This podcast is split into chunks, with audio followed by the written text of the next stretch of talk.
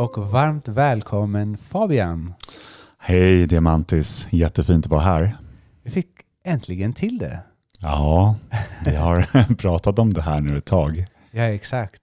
Och det är så, så kul att ha dig på podden ehm, för att eh, våra vägar korsades kanske för ungefär ett och ett halvt år sedan. Och från eh, första mötet tyckte jag att det var väldigt intressant. Förklara, beskriv lite. Hur skulle du beskriva? Vem är Fabian? För det första, tack så mycket. Eh, jag tycker du är väldigt intressant också.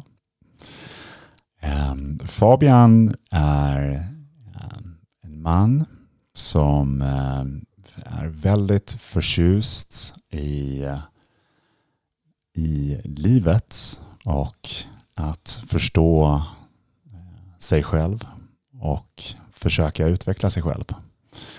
Jag eh, känner att min, min stora passion i livet verkligen ligger eh, och har varit de senaste åren just kring personlig utveckling. Eh, Mm. Att öka min egen, min egen förmåga att förstå och successivt också kunna hjälpa andra på den vägen. Just det. Och det är exakt därför jag ville att du skulle komma hit. Just för att du har gjort en fantastisk resa. Och eh, det har eh, lett dig till just det du beskrev då, personlig utveckling. Låt oss börja lite. Berätta lite om din bakgrund och din resa. Som gjorde kanske, som har lett dig till vart du är idag.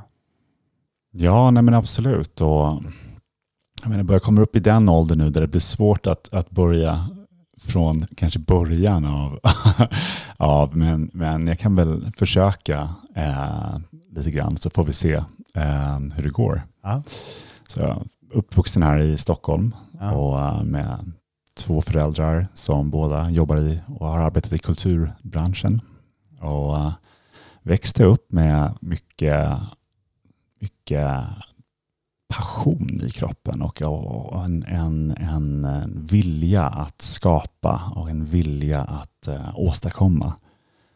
Jag känner, har alltid känt en, en stor eld inom mig och, och eh, hur jag har riktat den här elden har, har väl alltid, eh, kan jag se tillbaka nu så här i efterhand, har, har, eh, har successivt gått från att varit ganska rädslostyrt till att bli mer och mer hjärtstyrt. Eh, jag tycker i den här personliga utvecklingssfären att det ofta kanske förenklas om man säger att ett, ett beslut är antingen grundat i kärlek eller i rädsla. Eh, jag tror snarare att varje beslut är grundat i både kärlek och rädsla. Olika stora portioner. Eh, och I början av min resa så, så, så följde jag det som jag trodde var, var vägen till lycka, vilket tog sig uttryck i att jag började på Handelshögskolan. Eh, studerade där till att ja, arbeta med eller lära mig. Jag kom in med en, med en vilja om att bli entreprenör och, och att kunna eh, jobba med, med skapande, men formades ganska snabbt om eftersom jag hörde andra människors förväntningar och, och eh, attityder kring vad som var framgångsrikt. Och det förde mig till att istället söka ett jobb i London med, som investment, på en investmentbank. Eh, Så där flyger jag ner och börjar, börjar arbeta där under ett par år och känner att jag i början eh, går upp i den här eh, essensen, känslan av framgångsrikedom då, men ganska snabbt eftersom jag inte hade kontakt med mitt eget inre så, så suddades jag ut långsamt och blev ganska tom. Hur gammal var du då när du flög ner? 23 var jag när jag började med den, eh, på den karriärbanan. Så två år senare så hade jag dränerat mycket av min, eh, min livsgnista och kände att jag behövde göra ett, eh, en förflyttning. Ah. Eh, Och då gjorde jag en förflyttning till vad jag trodde var eh, verkligen mitt hjärta och min hjärtas passion, vilket jag, var att jag då började hålla på med film och skådespeleri istället. Eh, som jag nämnde så har båda mina föräldrar, mamma jobbade på Dramaten och pappa var operasångare och jag, eh, så jag har vuxit upp i den här miljön men aldrig riktigt tagit det steget själv, men jag kände att nu, nu är det min passion. Ah. Eh, Jag kan se i efterhand att även det var egentligen ett annat uttryck av att försöka få bekräftelse. Mm. Eh, egentligen nu direkt inte med att känna sig framgångsrik, utan nu skulle jag bli skådespelare i Hollywood istället för att det var tydligen det min nya passion var. Eh, så att jag följde den banan och jobbade med det i London och för att jag återigen inte var så connectad med mig själv så, så, eh, så började jag komma in på dekadenta vägar tror jag. Eh, jag, jag plockade upp olika beroenden. Mm. Eh, började dricka mycket alkohol och jag höll på med olika, jag försökte kontrollera min kost och jag kan se hur jag successivt, för att jag inte mådde bra, skapade olika sätt att försöka få kontroll på, på min värld och min verklighet. Då. Och eh, det här mynnade ut till slut i att jag började känna mig väldigt trött. Ehm, det här var i egentligen början på 2015.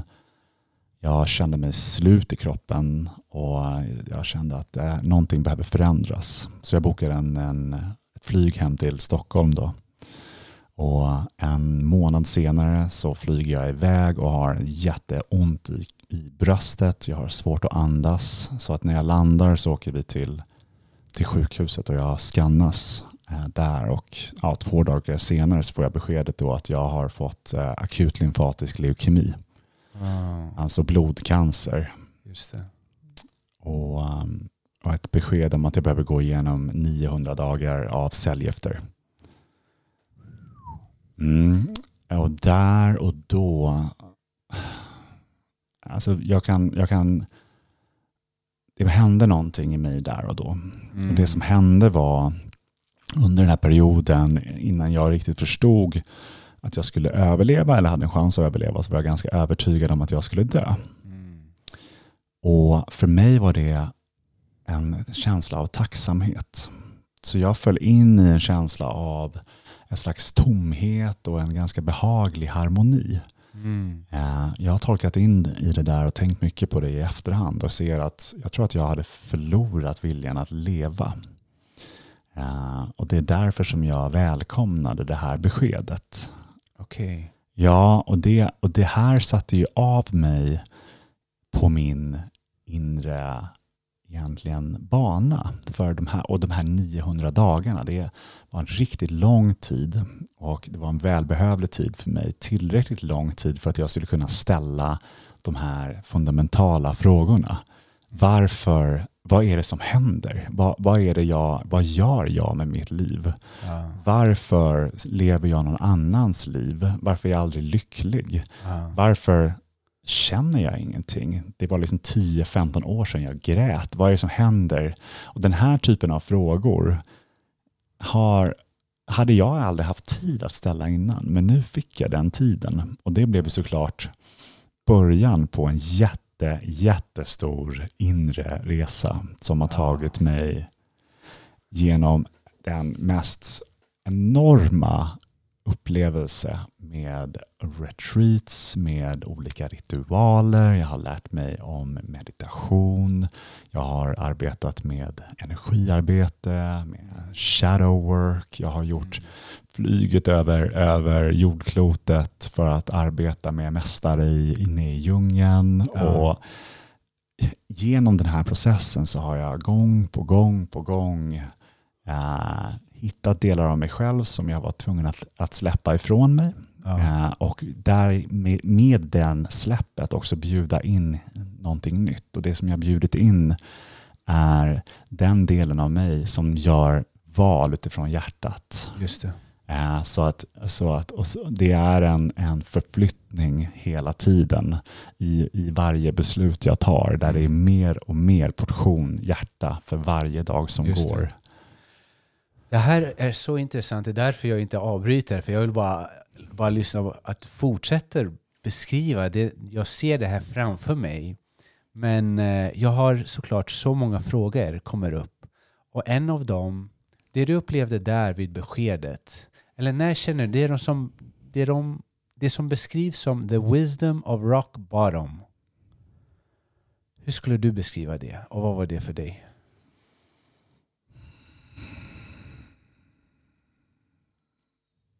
Ja. När man blir så här äckligt ärlig, Mm. egentligen ska man inte ens använda det ordet, men otroligt ärlig med sig själv. Det säger, jag kan inte, ska jag fortsätta lura mig själv? Så vad, är, vad är det egentligen jag vill? Helt ärligt. Om, man säger, om jag är helt transparent med mig själv. Precis. Det är, det är ju verkligen det här att, det, det, att få en möjlighet att adressera elefanten i rummet. Vi alla har alltid en elefant i rummet som Ja. står och, det är liksom, och den vågar vi inte riktigt kännas vid. Ja. Eh, men, och ja, rock bottom för mig, det, det, är, det, är något, det är någonting otroligt förlösande i det. Det är nästan som att egostrukturen är på en plats där den upplever att den har förlorat allt. Eh, och när den förlorar allt och upplever det så känns det som att den för en liten, liten stund till intet görs. Mm. Och då, under en liten vag period, så är, är jag bara mig själv. Mm. Det var det så som jag kände, för det var, bara, det var helt tomt. Liksom. Ja. Och bara wow, vad är det här? Fanns det en sorg där du behövde berätta att om det var så att du sökte bekräftelse genom alla de här olika sättet och att du behövde berätta till specifika personer att jag är ledsen, jag kan inte fortsätta. Jag kan bara relatera till min resa och när jag blev insjuknade och, och därefter blev sängliggande i ett halvår. Det absolut tuffaste för mig det var att skicka ett meddelande till min far och säga, och jag minns den stunden, det bara, tårarna bara rann. För det kändes så starkt att jag gjorde honom besviken genom att säga, vet du vad? Jag är så sjuk att jag inte kan arbeta. Men trots det så fanns det en besvikelse. Jag hade ingen diagnos som jag kunde visa upp för honom och säga, du ser här har jag en diagnos, det är därför. Så för mig var det att jag personligen, att det var på grund av mig. Det, det hände. Att det var jag som inte orkade, det var jag som inte kunde klara av. Har du i din resa upplevt något liknande? Nej, du är inne på någonting där för att eh, jag hade ju alltid cancerkortet Just det. eh, som blev en ganska stor del av min resa under ett tag där och, och jag tror många gav mig väldigt mycket liksom slack eh, i form av liksom det, det, alla mina commitments och åtaganden och allting pausades för mig. Ja. Så jag fick verkligen ett jättetomrum. Eh, jag känner inte att jag, den som jag gjorde mig besviken var mig själv Okej. eh, hela tiden. För att det var en, en, ganska snart efter det här voidet så, så, så rycktes jag tillbaka till, till verkligheten igen. När läkarna berättar att ah, men vi kommer gå igenom 900 dagar av cellgifter men det, det finns liksom överlevnadschanser här, ungefär 60-70 procent. Och då, då slängdes jag tillbaka från mitt besked och min känsla av att wow, det här, nu händer det, nu kommer jag försvinna Mm. till att okej, jag kommer överleva. Och sen föll verkligheten tillbaka till mig. Med min, jag såg hela min karriär vara raserad, eh, alla mina planer. Jag var tvungen att flytta hem och bo hos min mamma under lång tid. Det kändes som ett stort, stort misslyckande eh, som jag fick jobba med för mig själv eftersom jag varit så identifierad med mina skapelser hela tiden. Exakt. Jag har inte sett något värde, hade på den tiden inte sett något värde i mig själv utan jag var det som jag skapade Ja. och allt det raserades. Så det, Och, och bara att flytta hem tillbaka kändes det också symboliskt sett ett steg tillbaka i en så kallad framgång. Otroligt. Ja. Otroligt väldigt mycket så och, och eh, en, en känsla av ja, att jag hade tappat min, min högsta livspotential. Just det. Eh, Jag förstod, så som jag betraktade det, jag kunde bara se den vägen jag skulle ta eh, och jag kände att den var förlorad. Ja. Och det, det fick jag jobba mycket med att smälta. var så intressant eftersom vi flyttade tillbaka från Kina 2017. Jag lyckades arbeta ett halvår innan jag insjuknade och när vi flyttade tillbaka då flyttade vi inte hos, till min mamma. Och det var ju bara menat att vi skulle vara kvar där bara ett litet tag. Det blev tre år till slut. Och det var otroligt tuffa år. Just för att, in, att man själv inser att jag kan, jag kan inte just nu ta mig härifrån. Och att hur en tacksam man är att ens mamma kommer alltid vara ens mamma och ta hand om en. Men man kommer, kan inte komma ifrån att, i alla fall jag, att jag blev sedd som den lilla diamanti som inte kunde klara sig själv. Och det var återigen ett slag eh, som egentligen hade med min pride att göra, som en ung vuxen. Du vet. Här ska jag vara i min prime i mitt liv. Och, och jag kan inte ens försörja min fru. Jag, jag kan inte, så hon började, behövde, eftersom all, tanken var att vi skulle starta upp någonting tillsammans under den här verksamheten som är byggd idag. Så hon behövde, då fanns det då skuldkänslor att hon behövde gå och jobba med någonting som hon egentligen inte behövde eller ville och så vidare. Men, eh, så, så jag känner igen den platsen och eh, den är väldigt, väldigt lärorik samtidigt. Ja, och det som, det som kommer upp i mig när du pratar om det här är också att det finns ju bortom, bortom ja, Pride mm. och liknande, liksom, det känns obekvämt för egot och, och misslyckande, så finns det också eh, naturliga livsprocesser och initieringsritualer. Om du tänker på just att gå från pojke till man. Mm. Mycket av de eh, initiala de, de ritualerna som har förts och tidigare fördes och fortfarande förs i många indigenous tribes handlar ju om eh, i väldigt mycket att separera sonen från mamman. Mm. Så när en son blir 13 eller 12, eller lite olika beroende på var, så, så tas de eh, iväg under en tid. Det kan vara en dag, en vecka, ett halvår i vissa fall. Mm.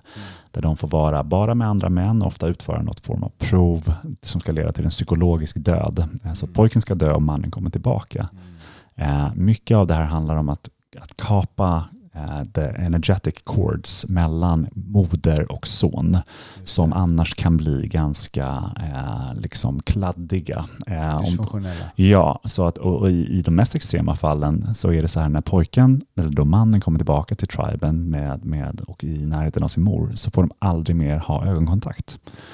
Det är det mest extrema fallet, men där förstår man hur, hur viktiga de här eh, delarna är för en, en, en man i sin utveckling. Ja. Så att det är också de sakerna som jag tror spelar in över att vi helt plötsligt behöva återförenas med modern. Mm. Det, det är på djupare energimässiga plan som det också påverkar. Precis. Som en liten side-note. Och Det här är så intressant och så otroligt viktig information. Och eh, en, en, av anledningarna till varför jag bad dig komma hit för att jag själv är väldigt nyfiken på vad det är du har hamnat idag i ditt liv och hur du vill ha känt den här eh, urge att förmedla vidare. Berätta snälla, vart befinner du dig idag? oh, alltså jag känner att det spritter i hela kroppen av, av eh, kreativ energi. Ja. Det är, har varit så mycket skapande. Ja. Eh, och Jag vet inte hur jag kommer liksom paketera det här på något bra sätt, men, men, men det, som, det som vi har, jag har jobbat verkligen mycket de senaste de senaste, ja, egentligen sju åren med, med personlig utveckling och eh, jag har under resans gång plockat på mig mycket kunskap och, och eh, förståelse, eh, principer, riktlinjer, ramverk som, som jag nu lever efter som har hjälpt mig att hitta en riktning för mig själv en, en, och en, en förståelse för mitt inre. Mm. Och de senaste åren så har jag verkligen känt hur jag kan eh, känt en kallelse att, att börja skapa någonting som kan hjälpa andra i den här resan. Eh, ja, och, och, jag, och där jag har verkligen känt en kallelse har varit kring att jobba med andra män. Ja. Jag ser att eh, det är många män i min omnejd som lider idag. Det är otroligt mycket pain. Det är mm. otroligt mycket egentligen avsaknad för män av en känsla av mening idag. Mm. En känsla av riktning och många män har tappat lite sin, sin egen essens. Mm. Jag ser det för jag kan också relatera till vart jag själv har varit. Mm. Så det är där jag har velat att komma in och se hur kan vi bygga någonting och hur kan vi brygga in män som också utifrån ett rent, de, de har inte riktigt varit inne på samma bana så lika länge när det kommer till personlig utveckling som kvinnor. Så tillsammans med några fantastiskt kompetenta män som jag har träffat genom mitt, mitt eget arbete. Bland annat Daniel Müller som har grundat Hale Brep Center, mm. Sami Hakkala med ungefär 25 års erfarenhet med personlig utveckling och även David Persson som du själv känner och som, mm. har, eh, som jag själv har vandrat med länge så har vi utvecklat en, en träning en träning som egentligen i mångt och mycket är en träning som vi själva skulle vilja ha. Mm. Plattformen och, och, och, eh, och, eh, vad vi kallar oss är Sculp. Och den här träningen är en 100 hour men's training, alltså en 100 timmars mansträning. Wow, sculp. Vad står sculp för? Sculp är att skulptera. Att skulptera. Precis, och det är ett verbet för att skulptera. Och ja. eh, Vi ser verkligen att det är, just om du tittar på mekanismerna kring att skulptera, så är det att väldigt varsamt hacka med en, en, en stenhammare ja. eh, och få fram då essensen. Och skulptering har ju länge använts eh, av ofta används inom skönhetsindustrin när man pratar om att skulptera sitt yttre, vilket också kan vittna om lite hur världen tittar på, på existensen idag. Mm. Att det är ett yttre det fokuseras på. Vi vill plocka tillbaka det där och förstå att du kan skulptera alla aspekter av dig själv. Vad vi har nu lanserat och öppnat ansökningen för är en träning som innehåller allt som vi själva skulle vilja ha i en träning. I vad som tagit sig uttryck som the 100 hour Men's Training. Mm. Den går av stapeln 11 april. Det är helt online och vi kommer då 90 minuter om dagen att först och främst gå igenom all övningar, embodiment practices, som innefattar de sju dimensionerna av den kroppsliga existensen. Mm. Alltså physical, mental, emotional, heart, will, soul och även då divine som en en summa av dem. Eh, vi kommer göra arbete varje dag för att komma i kontakt med alla de här. Samt vecka för vecka så kommer vi att se över de åtta livsrikedomarna eh, som alla behöver bemästras och kultiveras för att leva ett hälsosamt liv. Och De är self-mastery, alltså en mästerlighet över mitt inre. Det är fitness som fysisk hälsa och longevity. Då. Det är relationer, min egen, min relation till min partner och mina vänner. Det är livsstil. Hur lever jag mitt liv? Har jag ett liv fyllt av äventyr och nya upplevelser? Det är karriär. Mm. Det är ekonomi. Ofta tabubelagt att prata om min personliga utveckling, men hur kan jag bygga en ekonomisk grund för att möjliggöra mina drömmar? Mm. Det är mentorer. Alltså har jag en människa som är mentor till mig i mitt liv eller har jag bara vänner som inspirerar mig? Och sist men inte minst såklart service. Eh, gör jag saker och handlingar, många betraktar kanske sin karriär som värdeskapande, men där får jag ändå någonting tillbaka. Gör jag så nära som det går renodlade altruistiska, altruistiska handlingar.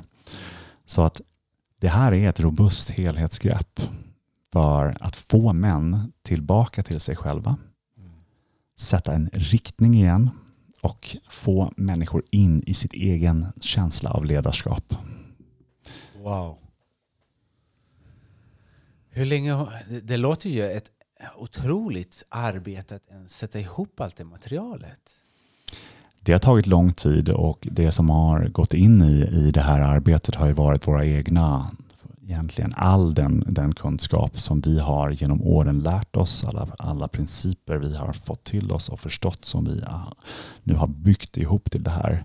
Men vi ska heller inte ta den credden utan all visdom finns redan och har om och om igen arbetats med så att vi använder ganska uråldrig filosofi och kunskap men har moderniserat den och anpassat den till, till hur människor är och fungerar idag. Jag förstår det. Ja.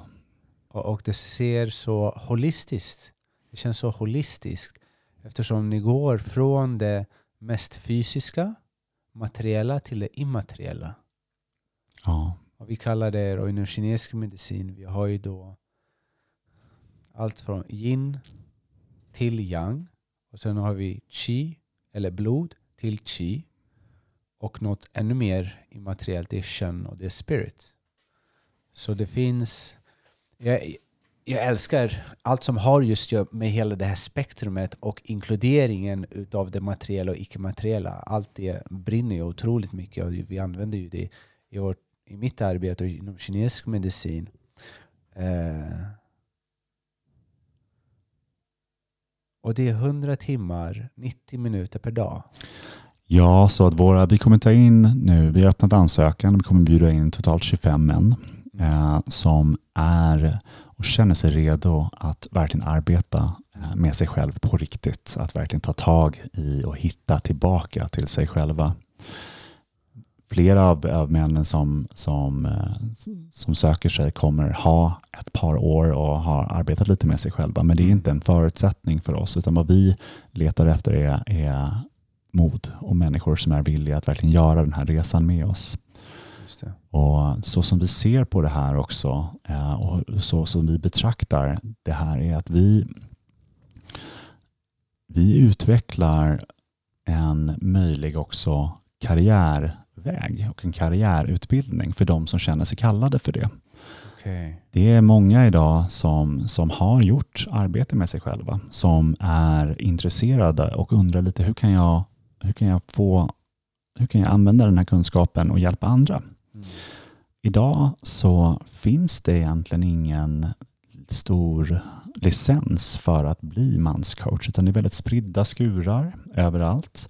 Det finns ingenting likt exempelvis yoga, 200 hour yoga teacher training, som är en internationellt erkänd licens och ett ramverk och en struktur. Ja. Så Sculp, det vi jobbar för att, att utveckla och är att etablera den här internationella licensen.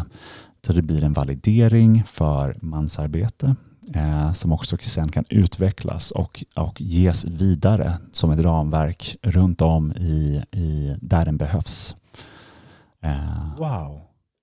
ja, bara veta att det fin- kan finnas då män en annanstans, på en annan, i något annat land, i någon annan del av världen som kan ta del av det här bara är så...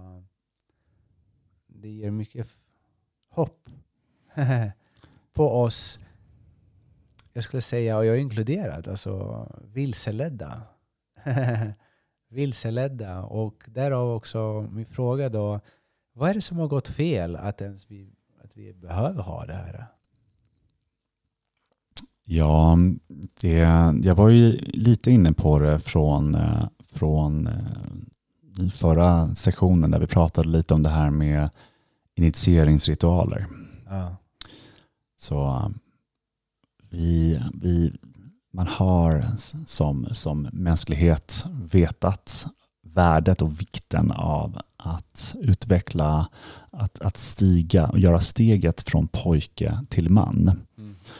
Eh, För kvinnor så görs det ganska naturligt genom graviditeten och den resan eh, på ett helt annat sätt. Och kvinnor har också initieringsritualer, men för pojkar, eftersom vi inte har en sån tydlig fysisk förändringsprocess, förutom att vi blir större och mer muskulösa, så, så är det viktigt för oss att vi får ett sätt att utveckla vår pojkpsykologi till en manspsykologi genom de här olika rit- ritualerna. Då.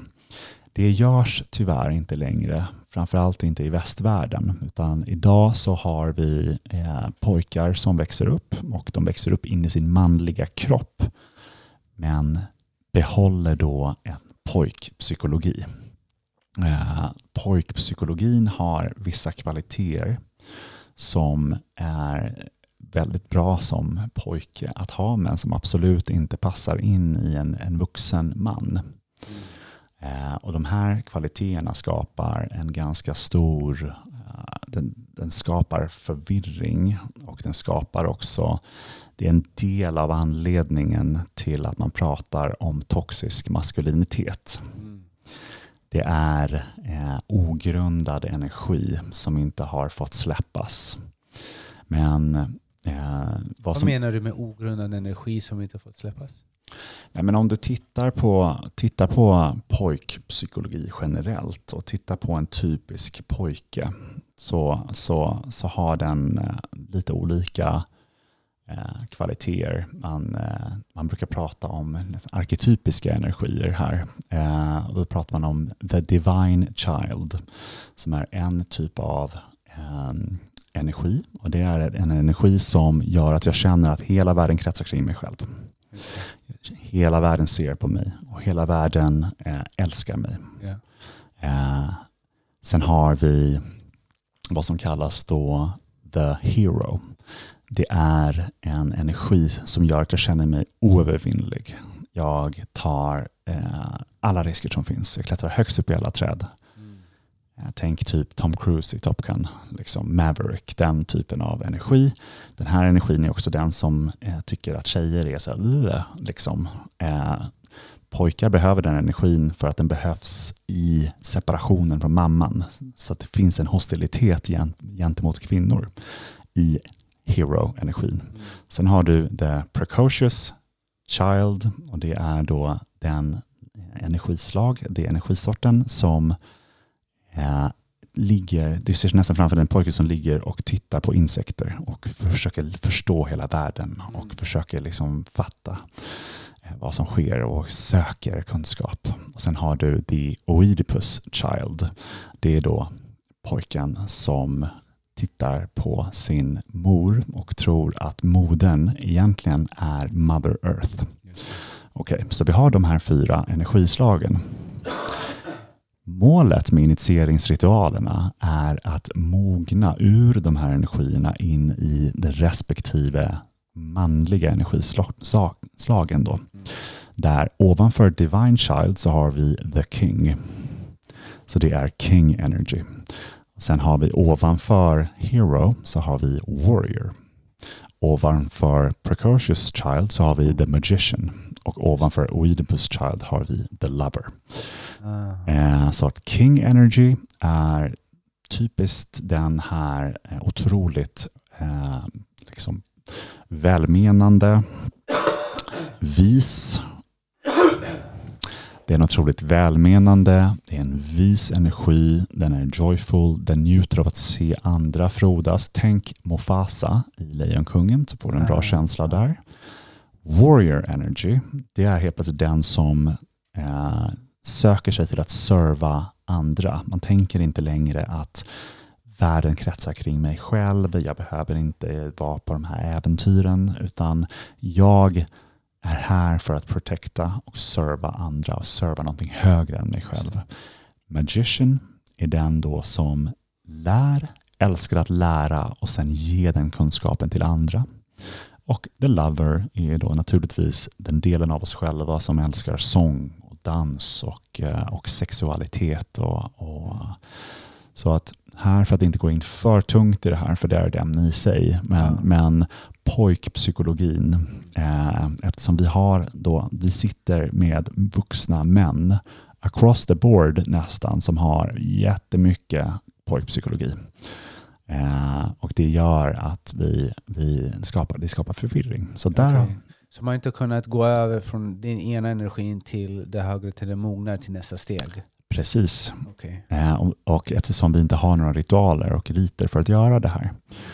Eh, så där har vi en av anledningarna och den andra anledningen, så det, det här började gå förlorat någonstans eh, i tiden och det har ju funnits, om du tittar på många religioner, så bar mitzva exempelvis i judendomen, har olika, man kan titta lite på liksom militärutbildning som någon form av liksom initiering, men mycket har gått förlorat då. Och, och vi har idag eh, väldigt mycket oinitierade män.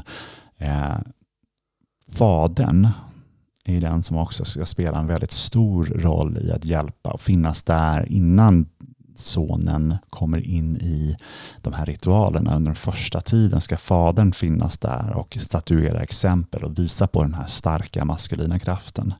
Men min pappa hade inte möjlighet att visa för mig vad, vad det innebar att vara man. Han kunde inte förklara för mig vilka kvaliteter som är viktiga för mig att eftersträva eftersom ingen visade honom. Hans pappa visade inte honom, så någonting har gått förlorat. Ja. Och för att komma tillbaka då till vad är det här med tox, liksom, varför är det så laddat? Ja.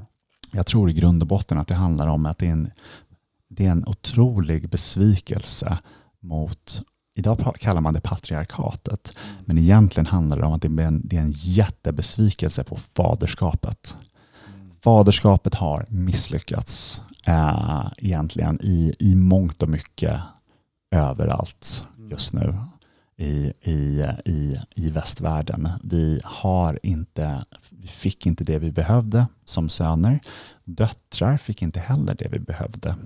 Eh, fick inte heller det de behövde. Så vi, vi har en, vuxit upp med en, en halt maskulinitet och manlig kraft. Det är otroligt intressant, för jag tänkte faktiskt på det här för inte allt för länge sedan. Och jag tänkte på min farfar faktiskt. Min farfar, en av de yngre, jag vet inte om de var sju syskon, en av de yngre. Och han född 1919 tror jag, i en liten by. Andra världskriget börjar när han är runt 20 någonting. Och eh, lite äldre än 20. Hur bra anknytning hade han till sin pappa? Inte så värst bra. Alla blev slagna av sin pappa, mer eller mindre, under den tiden. Eh, skickades iväg till krig, skadades, krigade mot italienarna, sen mot tyskarna, skickades på koncentrationsläger. Och då, men någonting som jag kan verkligen säga, jag otroligt ser upp till min farfar av det som jag fick han uppleva. Och det var nästan så att han vek sig inte, inte det minsta. Det är så här, han var kommunist på den tiden. De skickades koncentrationsläger i Grekland. Han vek sig inte. Det var så här, jag tar konsekvenserna. Och, det kommer jag, och just det här, jag viker mig inte. Det är när du tror på din sanning och du verkligen står för det du tror på. Det blir så otroligt kraftfullt. Oavsett konsekvenserna. Det känns som det är så lätt över internet nu att shamea folk och tala illa om folk och kasta ut kommentarer och det blir inga konsekvenser. Men, och, och det har jag fått uppleva då genom min plattform på Instagram. Där man, så här, man håller inte med om någonting och det är fine, du vet. vi kan öppna en diskussion. Men att kasta paj i ansiktet på ett sånt fult sätt. Uppvuxen i Tensta i Rinkeby det, så här, det hade, du vet, man gick i lågstadiet, mellanstadiet. En sån akt hade konsekvenser. Det är så här, vi tar det och så får vi se hur, hur det ska vara. Och Det är inte så att jag promotar våld här, men det fanns en annan typ av möjlighet till att reda ur saker face to face. Medan nu gömmer man sig bakom. Och jag tror också att det inte är till vår fördel just med... Eh, vi är så, det är så avgörande att det blir face to face, att vi träffas, att vi... För vår kommunikation är så verbal men också så visuell. Och det är så mycket mer information vi får av varandra. Vart vill jag ta allt det här kan vi fråga oss. Men eh, tillbaka till min farfar, verkligen så här, stå upp för sin sanning. Och trots att jag tror inte att han blev initierad på något specifikt sätt av, av, av, hans pappa. Omständigheterna kanske.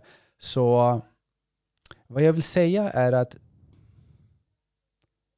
det har funnits någon form av uppfostran genom tiderna där man har anpassats till ett form av beteende. Men just nu har vi hamnat i någon form av era eller generation där alla fall jag. Det är nästan mina motgångar, jag vill inte säga att de knäckte mig, men de, de, var, de tog mig ner så djupt att jag var tvungen nu att bygga om mig själv på ett helt annat sätt. Och vi pratade just om David med det här och just det här att kalla hem sin energi och bygga, bygga upp sig själv genom sin inre resa. Och jag har ju den här metaforen av Iron Man. så, som får tillbaka alla sina delar och bygger upp sig själv på något sätt. Och det är just det, det är så otroligt viktigt med grundade, jordade män. Inte bara för oss själva, men också för kvinnorna omkring oss. För det finns så många kvinnor som är så sårade av den maskulina energin av män som har tappat förtroendet. Så ett av mina råd som jag ger till kvinnor, och, och ni kan ta till det också ni som lyssnar, det är att har ni, känner ni att tappa tilliten till män överlag, hitta ett par stycken som är jordade, grundade, vilket betyder att de vill inte ha någonting sensuellt, sexuellt med dig. Men de bara ser dig för vem du är. Och därifrån kan du börja ha också en referenspunkt till vad är en frisk och stark maskulin energi.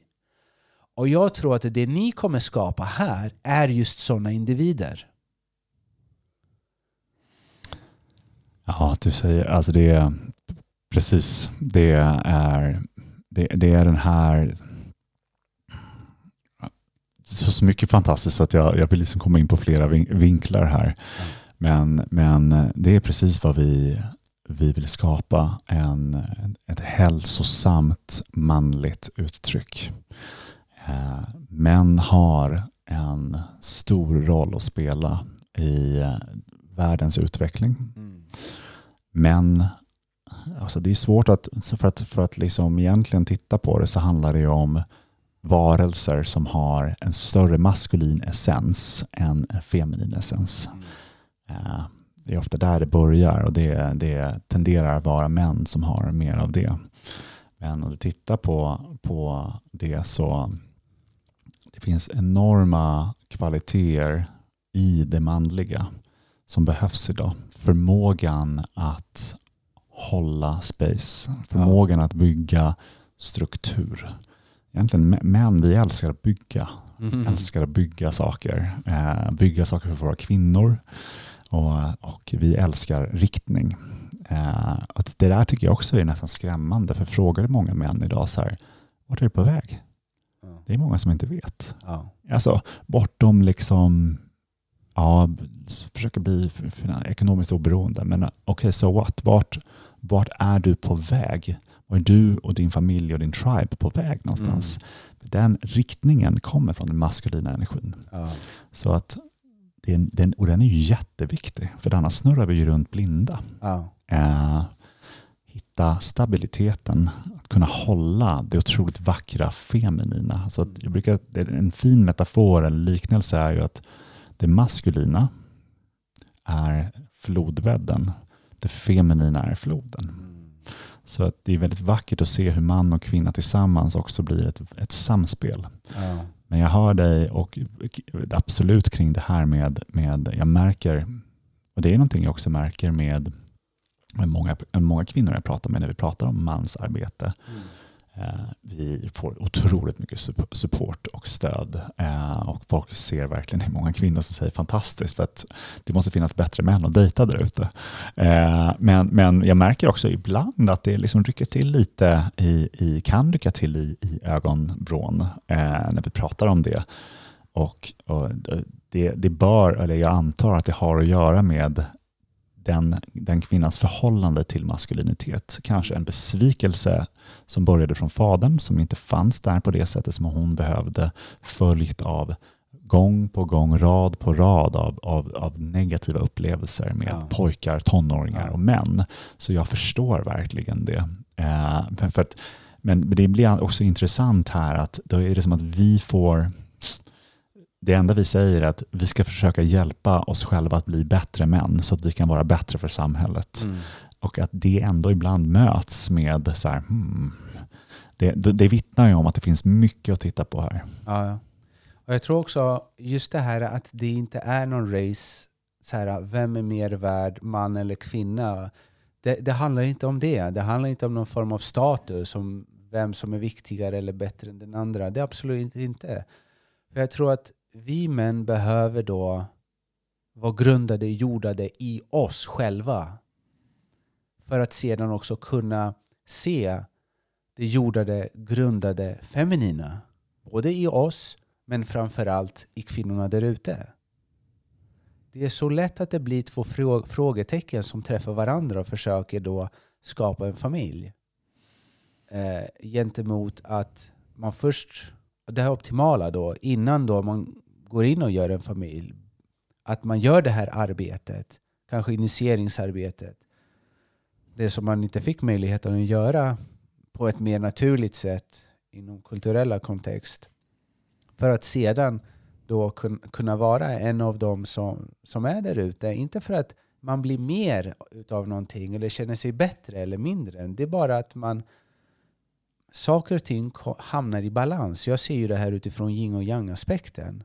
Och att i de två, för att vi är mer proportion yang än vad vi är yin och kvinnan mer yin än vad vi är yang. Men båda behövs. Och båda vingarna av yin och yang behövs också för att vi tillsammans som en mänsklighet ska kunna flyga rakt framåt och inte bara i cirklar. För den här cirkeln, tyvärr, den går inte uppåt, den går neråt. Det blir en crash landing snart för mänskligheten ifall vi inte gör någonting. Och det här är en av de sakerna som alltså det, det gör mig så glad att höra att, eh, att ni finns. För att jag pratade, vi hade Bruce-eventet igår tillsammans med Holy Crap. Och det är Matilda och, och eh, Amanda som håller det. Och de sa, men Diamantis, det borde ju finnas någon, någon så här, eh, grupp som Holy Crap tjejer, fast killar. Och jag vet du vad? Det finns det! så säger jag, känner ni Fabian Bolin? Jag har hört det, vart har jag hört det? Ja just det, hans flickvän och Sofia yoga och så. jag bara, ja du ska få se nu vad de har kokat ihop här, de här mm, grabbarna. Mm. Så det, det intressanta är ett, ett, jag bara ser det framför mig, ett jättefint möte mellan typ energin som Holy Crap bär på och eh, eh er energi och se okej, okay, vad finns där? Kan ni se varandra? Kan ni eh, kommunicera? Och, eh, och då inte bara ni, men vet, energin som ni bär respektive. Det skulle vara jättefint. Så alla som hör, säg åt Matilda och Amanda att bjuda in Fabian och grabbarna på, på podd. Det, det, det behövs. vi kommer gärna och, eh, vi kommer gärna in i det samtalet. Ja. Ja, det låter som en, eh, ett otroligt vackert möte. Och, ja, se det kanske blixtrar, blixtrar till lite. Ja, det, ja. Det, jag tror att det kommer det. Det känns som att det här är någonting som bara kommer explodera att eh, det kommer gå mycket fortare än kanske ni har förväntat er. ja, det, är, det är med människors hjälp och, och välvilja som, som eh, det, det är fint att bemötas med eh, sån värme från människor och bara wow, fantastiskt. Äntligen en, ja. en, eh, ett initiativ och ett projekt som lägger fokus på männen, som är för män eh, och äntligen en, en, också en, så att säga, det finns ju ganska mycket idag hypermaskulinitet där ute. Eh, mycket liksom karaktärer som, som uttrycker eh, liksom en aggressiv form av maskulinitet och det, det, det skadar väldigt mycket. Eh, det här spacet är lite, liksom, lite rörigt men jag tror att vi, vi kommer inte att någonsin eh, prata om någonting annat än mogen och varm maskulinitet ja. som, som, som, en, en, som är det riktiga. Och inte farligt att falla in, in i maskulinitet, det handlar om manlighet. Ja. Um, för det är någonting också med, våra, med, med att, att vara uppvuxen och uppfostrad ja. uh, som pojke. Som vi kommer jobba jättemycket med uh, i våra träningar. För att det handlar om att deconstruct. Hela tiden deprogram, deprogram, deconstruct och sen bygga. Ah, wow, så intressant. Så um, jag, ser, jag träffar ju främst kvinnor som kommer hit och jag hör frustrationen på deras män. Eh, beteendet och eh, jag bara påminner om hur, hur, mycket smärta någon bär på för att be, bete sig på ett visst sätt. Inte för att rättfärdiga beteendet, men för att få en djupare förståelse för det. Och kanske se dem med mer kärlek. Och väldigt ofta så rekommenderar jag också att kvinnan, ifall hon är ver verkligen i kontakt med sin feminina energi, hon kan använda den och till och med styra mannen ah, mot rätt riktning. Så jag vill också shout-out till alla kvinnor så, som eh, eh, tror att det här kan vara någonting för era män, bröder, kanske pappor. Eh, att verkligen kan ta fram det här och, och ge det som ett alternativ till någonting som kan hjälpa dem i sin egna inre utveckling. Ja, verkligen. Och det du tar upp där är intressant med att kunna, om du tittar på två, en man och en kvinna, och nu är det också viktigt att ha höjd här för att vi pratar man och kvinna ganska mycket, men det handlar ju om, det kan också vara eh, det kan också vara en kvinna som sitter med mer maskulin energi och en, en som attraheras av en man med mer feminin.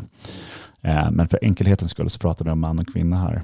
Eh, och om du tittar då på de här energislagen så, så kan, kan vi betrakta det som att jag har mycket maskulin energi i mig och det är lite mindre feminin. 70 procent maskulin, 30 feminin kanske. Mm.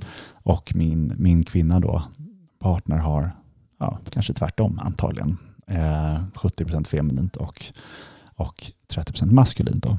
Och eh, då kan för, för, för många män i början av, av sin inre resa så handlar det om att connecta med den här aspekten av sig själv, den feminina sidan eh, och lära sig eh, komma i kontakt med sina känslor, komma i kontakt med, med eh, den delen av en själv som, som aldrig har fått lära sig, som aldrig har fått uttrycka sig. Det fanns inte mycket känslouttryck i hockeyomklädningsrummen och så vidare. Mm. och där så, så kan, kan man titta på relationen nästan och se det som att min feminina del tittar på min kvinnas feminina del som en stora syster. Mm. Eh, så att jag har en liten, liten, nästan, nästan liten flicka som behöver lära sig om det här livet. Och jag tittar och jag ser upp till min, min kvinnas feminin, den delen av mig ser upp till min kvinnas feminina energi. Och på samma sätt så har hon en liten pojke inom sig själv som tittar till mig och mitt maskulina för vägledning. Det är ett ganska vackert sätt att titta på partnerskap.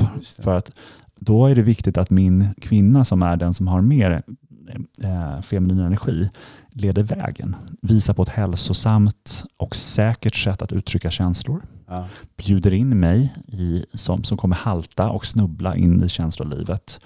Eh, och, och, och håller space för mig med det feminina.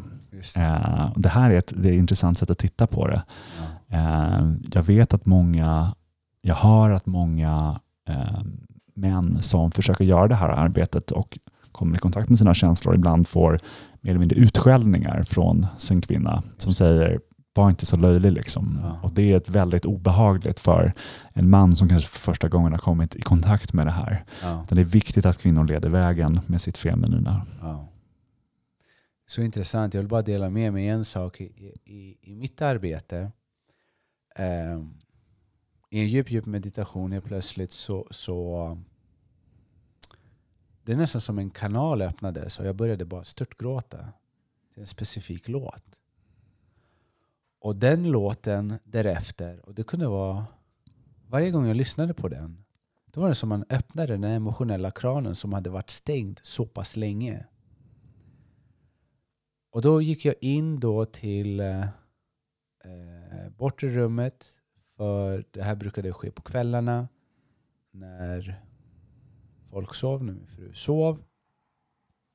Och då gick jag igenom och det var nästan som en detox, emotionell detox. Den fjärde gången det hände, det var... Jag hoppades på att min fru inte skulle se mig i det här tillståndet. För jag ville inte besvära henne eller visa den här sidan. Men när hon såg mig, och jag är evigt tacksam att hon gjorde det hon gjorde. Det enda hon gjorde, för att jag satt skräddare nere på, eh, på golvet. Det hon kom och satte sig då gränsle över mig och bara kramade mig. sen dess, spelar det ingen roll hur många gånger jag lyssnar på den låten, den känslomässiga kopplingen finns inte där längre. Varför jag vill dela med mig av det här, jag vet att det är flest kvinnor som lyssnar, och det är att jag tror att det som hände, det var att någonting fylldes i det här tomrummet som fanns där som jag inte kunde beskriva. Min fru, hon såg mig hon, och hon bara hennes närvaro och kärlek, det är allt som behövdes. Det är allt som behövdes. Så ni, när ni ser era män gå igenom några tuffa perioder och kanske uttrycker sig, eller inte. Bara en kram. Bara en kram kan göra så mycket. Ni behöver inte säga kloka saker, ni behöver inte poängtera, ni behöver inte dra ut. Bara ge honom en, bara en stor kram. Verkligen. Ja. Behöver inte vara mer komplicerad än så. Vilken vacker berättelse. Fick ja. en härlig bild i mig, i mig när jag såg det. Ja. När du berättade. Ja, de här minnena kommer stanna för livet. Jag, jag har tänkt tillbaka på det. Jag kan inte förklara det på, på ett annat sätt.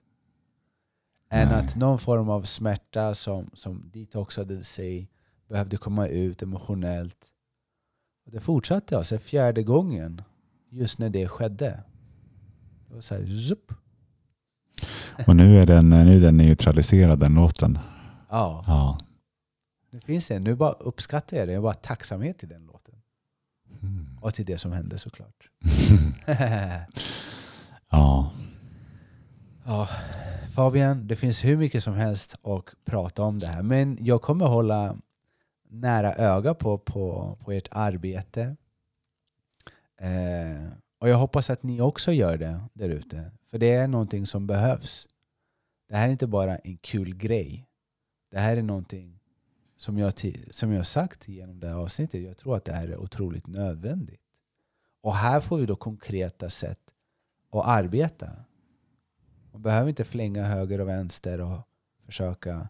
Här har ni gjort ett, ett skräddarsytt, ett, ett program, ett protokoll. Så från min sida så vill jag säga tack. Mm, tack så himla mycket för, för den här möjligheten. Så himla härligt att prata med dig.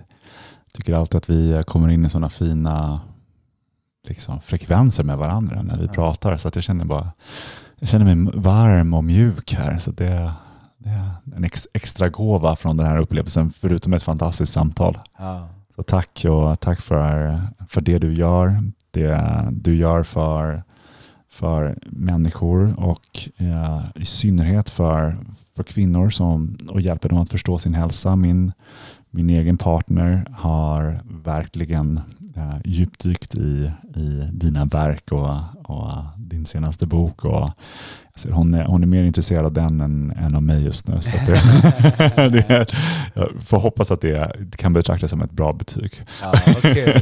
tack, tack, kul att höra. Ja, fantastiskt. Och till alla er lyssnare som har lyssnat hela vägen hit. Jag hoppas att det har varit väldigt nyttigt, lärorikt, insiktsfullt. Jag önskar er allt det bästa och alltid mycket, mycket kärlek. Ta hand om er. Hej då. Hej då.